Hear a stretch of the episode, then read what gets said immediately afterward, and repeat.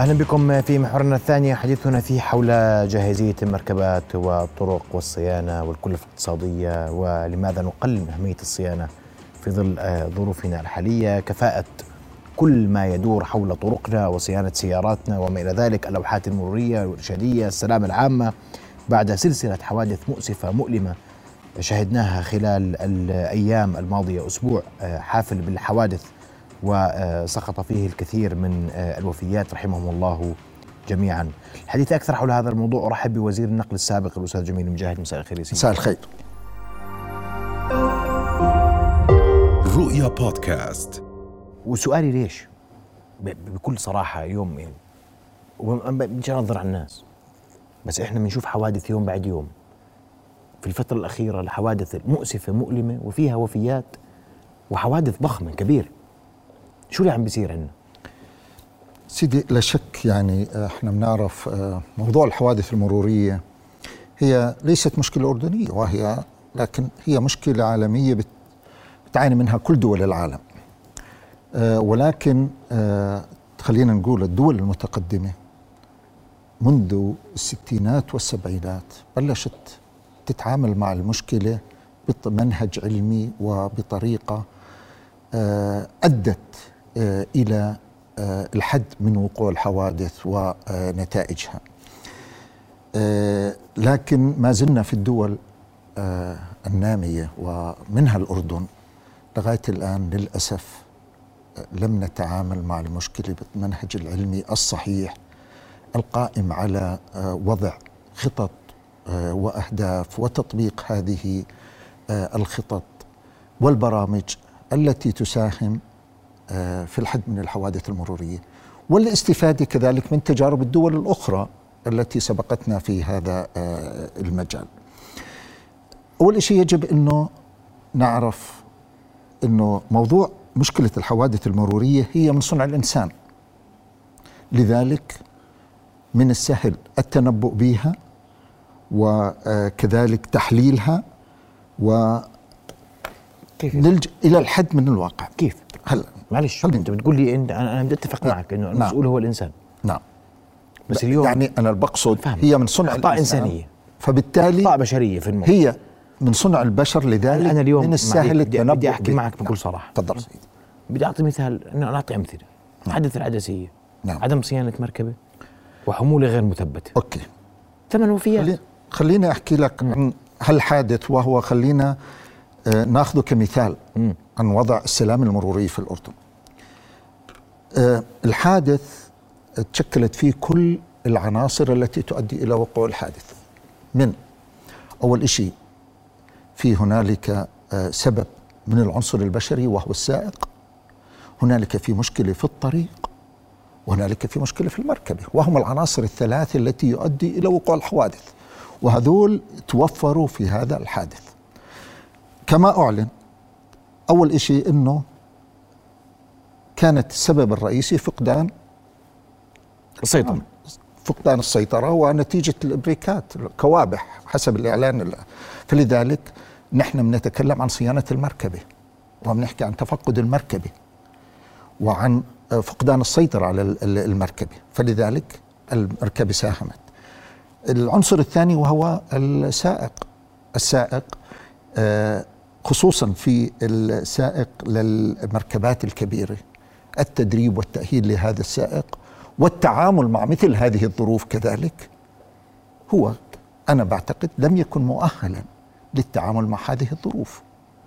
والنقطة الثالثة وهي بالنسبة لموضوع الطريق وعدم وجود آه، يعني كثير من المهارب في الطريق وخصوصا طريق العزيزية نعرف إحنا الظروف هذه الطريق والانحدارات فيها وهذا آه بالتالي يجب إنه وكثير. غير مصممة. هذا الطريق طول عمرنا بنحكي عليه حوادث. غير مصممة. معقول أظني بس وظيفة أحكي. هذا الطريق لا يجب أنا وجهة نظري إنه لا يجوز إنك استخدام مثل هذه المركبات الثقيلة والحمولات على عليك ما أنت كنت وزير نقل وكنت نعم. النقل يعني بقول ما لا يجوز. لا فيش يعني قرار؟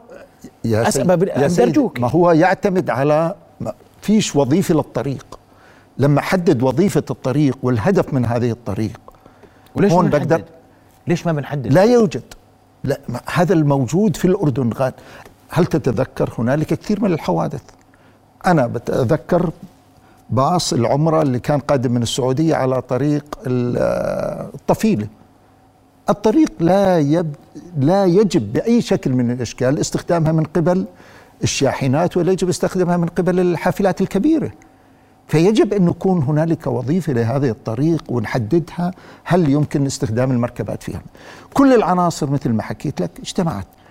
إحنا حتى نواجه هذه المشكلة. وللأسف لغاية الآن ما زلنا نتعامل مع مشكلة الحوادث المرورية بأسلوب الفزعات. أعطيك مثال. كيف يعني؟ آه بال 2018 تم إعداد استراتيجية خطة استراتيجية وطنية للسلامه على الطرق وأنت كوسيلة إعلامية يجب أنك تكون مشارك من خلال التوعية ومن خلال تسليط الضوء على هل تعلم أنه يوجد خطة وطنية للسلام على الطرق في الأردن؟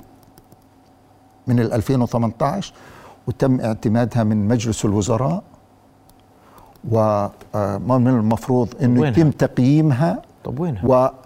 وتقييمها ونعرف وين لو وصلت وكان في أهداف اشتغل عليها؟ وهل في كان أنا بسألك سؤال حد اشتغل عليها؟ هذه هي النقطة الأساسية ما حد اشتغل عليها إذا شو نعمل إذا تم وضع خطة هل نتيجة وجود عدم الاهتمام بهذه المشكلة عدم وجود آه متابعة وعدم وجود تقييم أصبحت هذه الخطة موجودة على إيش حبرا على ورق فلذلك إحنا في البداية حبر على ورق والله ب... في عندنا خطة مش حبر على ورق.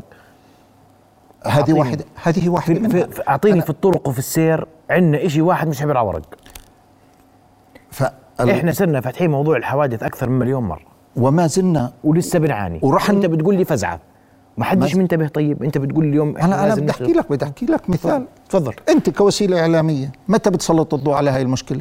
مم. لما يوقع الحادث. نفس الشيء عندنا. لما عند وقوع الحادث بنبلش في موضوع الرقابة في موضوع نقول والله في لماذا لا نذكر انه هنالك خطة للسلامه على الطرق يجب كل الجهات المعنية تساهم في الحد منها؟ بعد إذنك. تفضل. لما يكون من المبادئ الرئيسية المفروض إنه حمل حمولة ثبتها صح. نعم. ولما يكون ماشي على هاي الطريق وأنت بتعرف إنه هاي الطريق يعني مش طريق سهلة ومش أي واحد بدخلها ومش تمرق بسهولة الأمور وكلها بدها رقابة صحيح ولا لا؟ نعم وفالت من كل هاي الرقابة وبتقول لي أنا شو أنا شو, شو بإيدي أعمل؟ إذا أنا بقول له ثبت حمولتك صح؟ نعم واحد واثنين وثلاثة وأربعة أنا شو أعمل؟ طيب أنا أسألك سؤال أين الرقابة على تثبيت الحمولة وين كانت؟ في عندنا مشكلة ما زالت المشكلة وين؟ المشكلة في عند مين المشكلة؟ في النواحي خلينا نقول في النواحي الأربعة التالي في عندنا مشكلة بالتشريع والرقابة وتنفيذ القانون في عندنا مشكلة كبيرة في موضوع الرقابة وأسلوب الرقابة وطريقة الرقابة والعقوبات اللي موجودة في القانون وتطبيق هذا القانون. في عندنا مشكلة في موضوع الهندسة والتنظيم للطرق. في عندنا مشكلة في سلامة المركبات وفحص المركبات والتأكد من سلامة المركبات. في عندنا مشكلة في تدريب وفحص السواقين. فلذلك المشكلة متعددة وما زال تقول لي ممكن تقول لي بإيش ما عندنا مشكلة في موضوع ال ال ال السير؟ بإيش ما عندنا مشكلة؟ لانك أنت ذكرت لي عندنا فيه مشكلة. معناته عندنا مشاكل في كل شيء. في مشاكل.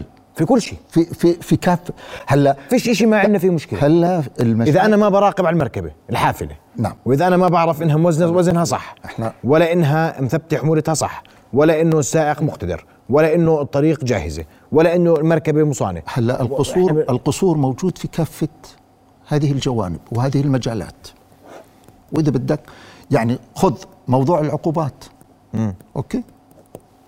للأسف العقوبات اللي موجودة حاليا آه هي آه خلينا نقول آه غير زي إيش؟ يعني غير كافية. غير كافية. غير رادعة. أو غير رادعة خلينا نحكي. آه. مش رادعة ليش؟ أعطيني مثال. أعطيني أعطيك مثال. يعني أول شيء آه نركز دائما على العقوبة المالية وهي مش مؤثرة جدا. يجب أنه في العقوبات لحوادث السير يجب أن يكون هنالك في إجراءات أخرى تساهم في تعديل السلوكيات. زي إيش؟ آه، موضوع سحب الرخص. نمنعك من القيادة المركبة إذا وصل عدد الحوادث المكررين الحوادث المخالفات هذه. ثانيا فورية العقوبة. أنت قاعد المخالفة المرورية. بدي أحكي لك أنت كشخص متى بتدفع المخالفات؟ كل سنة. عند الترخيص. طيب. عند الترخيص. تشعر أنك دفعت مخالفات ولا بتشعر أنك دفعت كأنك رسوم سنوية؟ إذا ما أثرت هذه المخالفة. إذا لم يكن في فورية للعقوبة أن تقع العقوبة مباشرة. يعني بعد وقوع الحادث أو وقوع المخالفة يجب أن يكون في إجراء مباشرة. مش أستنى أنه أحصل المخالفة لبعد سنة. بكون أصلا أنا ناسي إذا خالفت أصلا. فلا يوجد فورية للعقوبة. والعقوبة غير رادعة. والعقوبة أنت مش مع العقوبة المالية؟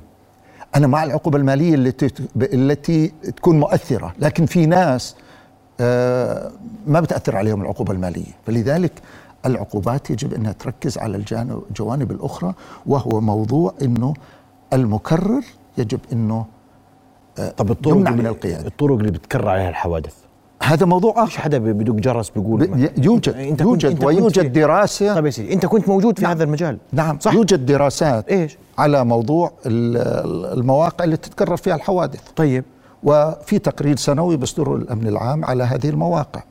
هذه المواقع يجب انه يكون في هنالك إجراءات سواء من قبل وزارة الأشغال أو من البلديات لمعالجة هذه ما المشكلة. بصيرش شيء معليك ما ما أنا أنت بتقول لي في دراسة وفي ما هو ما بصير شيء على الأرض لهذا السبب لا يوجد إرادة، لا يوجد اهتمام في حل المشكلة.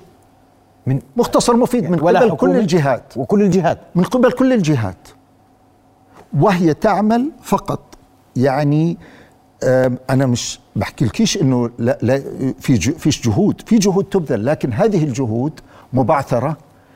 آه، هذه الجهود آه، يعني تعرف مشكلة الحوادث هي ليست مشكلة جهة واحدة عدة جهات.